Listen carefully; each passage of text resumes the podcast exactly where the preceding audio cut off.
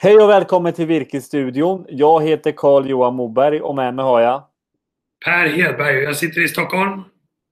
Precis. Än en gång så sänder vi det här via länk eller spelar in via länk. Och Virkesstudien gör i samband med tidningen Skogen. Och vi försöker förmedla nyheter och tankar kring skogen och ekonomi. Per, nu i veckan har vi precis släppt senaste upplagan av virkesprisindikatorn. Kan du prata lite mer om den? Jo, men det är ju så att virkesprisindikatorn det är en sammanvägning av ett antal makro, makroekonomiska indikatorer. Och den ger en väldigt tidig indikation om vartåt virkespriset är på väg någonstans. Och tittar vi på hur den utvecklades i mars så var det ganska dyster utveckling, precis som vi har förutspått tidigare. På grund av Corona så sjönk den väldigt kraftigt. Och det beror ju på att på grund av de här liksom den sociala distanseringen som vi håller på med i många ekonomier just nu så sjunker efterfrågan på många viktiga skogsindustriella produkter också. Och det gör att sannolikheten för sjunkande virkespriser har ökat ganska dramatiskt. Så vi går nu in i en period där vi tror att vi kommer att se prissänkningar på virke. Och hur tycker du att man ska agera som skogsägare då, Carl-Johan? Som skogsägare nummer ett är ju att vara insatt i vad som händer. Det går ju inte bara att gå i skogen och, och, och kolla utan man måste vara, vad händer på marknaden och där är ju virkesprisindikatorn ett jättebra instrument. Sen när man ser det, sen gäller det att också försöka nå så många potentiella köpare som möjligt och det är någonting som vi verkligen slår för och försöker hjälpa till med. För att på vissa håll så ser vi att det är helt tjock medan andra kanske har möjligheter. Och sen också kanske kolla efter någon specialsortiment, specialåtgärd som man kan genomföra just nu. Men också, också när har man behovet? Eh, är det något akut som ska göras eller kan man vänta? Och det är precis som du säger att olika sågverk har olika exponering mot olika marknader. Och vi ser just nu att efterfrågan på sågade trävaror är väldigt olika mellan olika marknader. Så för att nå de sågverk som ligger med så att säga, rätt eh, exponering just nu då gäller det att bjuda ut sitt virke och konkurrensutsätta sitt virke och nå så många virkesköpare som möjligt. Du Carl-Johan, vi brukar bjuda på en liten utblick i den här virkesstudion.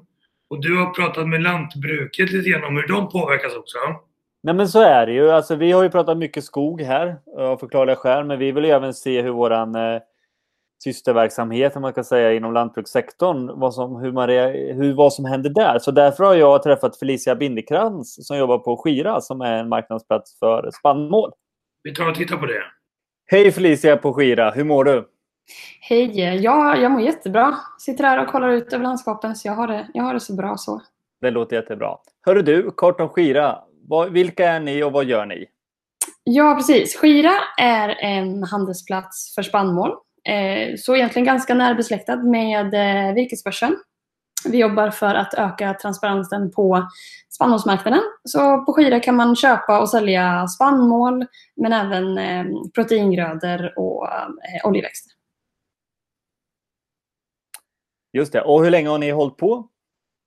Just den här tjänsten, den här handelsplatsen vi har, har vi haft den lanserades först i september 2018, så i ungefär ett och ett halvt år. Eh, den har varit öppen i hela Sverige sedan september 2019. Då. Så ja, ett, ett halvår lite drygt där för, för alla Sveriges lantbrukare. Det låter ju jätteroligt att ha en sån marknadsplats även för lantbruksnäringen. Om vi tittar nu, när vi pratar i Virkesstudion så har vi ju den här oron runt om i världen med coronakrisen som är hur ser ni? Ni möter ju ändå en hel del markägare dagligen digitalt ja. just nu. Då. Men vad, vad, vad, alltså, vad, säger man in i lantbrukssektorn? Hur påverkas det här? Hur påverkas man? Ja, till, till att börja med är väl eh, lantbrukssektorn eller spannmålsbranschen så en, en ganska bra bransch att vara i, i sådana här krissituationer på något sätt. Ehm, men det är såklart att priserna är ju lite fluktuerande fluktuerande nu eh, i och med osäkerheten, vilket då såklart skapar en osäkerhet hos lantbrukaren. Ska jag, ska jag sälja nu? Ska jag inte göra det? Vilka priser kan jag förvänta mig i framtiden? Så ja, en osäkerhet är det ju såklart, men det, det är också så att grisarna behöver fortfarande ha mat och så på det sättet rullar det ju på. Ja, och samtidigt så diskuteras det om en, en, en viktig del att vara till större del självförsörjande. Och då har ju lantbrukarna en eh, fruktansvärt stor och viktig roll. Ja, precis. Det här, det här får ju upp den, den frågan lite mer i liksom det, det, allmänna Sverige om hur, hur vi klarar oss i krissituationer och hur vi, liksom, den inhemska produktionen kan, ja, hur, hur länge den kan försörja oss. Så det, det tror jag faktiskt är en bra diskussion som kan komma upp av det här. Mm, verkligen. En sak som vi ser inom skogen är ju att det kan bli brist på arbetskraft och, och är på vissa håll redan. Hur ser man inom lantbruket på den frågan?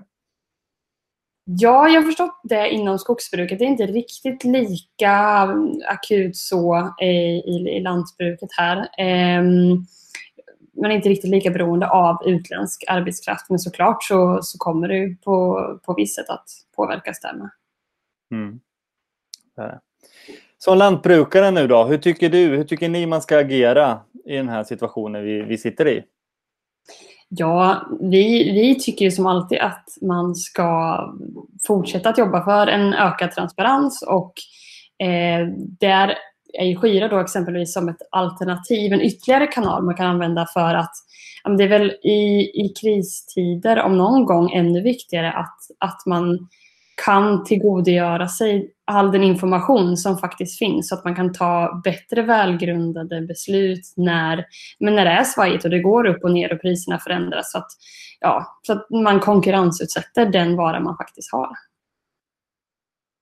Det tycker jag är bra råd att skicka med. Med det så vill vi tacka att vi fick eh, göra den här intervjun med dig. Jätteroligt att höra hur det går för er och även utblick mot lantbruksdelen. Så tack så mycket! Tack för att du fick vara med. Ja, det är uppenbart att coronan inte bara drabbar skogen utan alla branscher och även jordbruket. Så är det ju. Och jag tycker att du som skogsägare, se till att hålla dig uppdaterad. Vill du prenumerera på virkesprisindikatorn så sätter du bara ett mail till oss på virkesstudion virkesborsen.se. Läs tidningen Skogen på skogen.se och håll dig uppdaterad om läget så är vi snart tillbaka med Virkesstudion igen. Tack för idag Carl-Johan. Tack själv.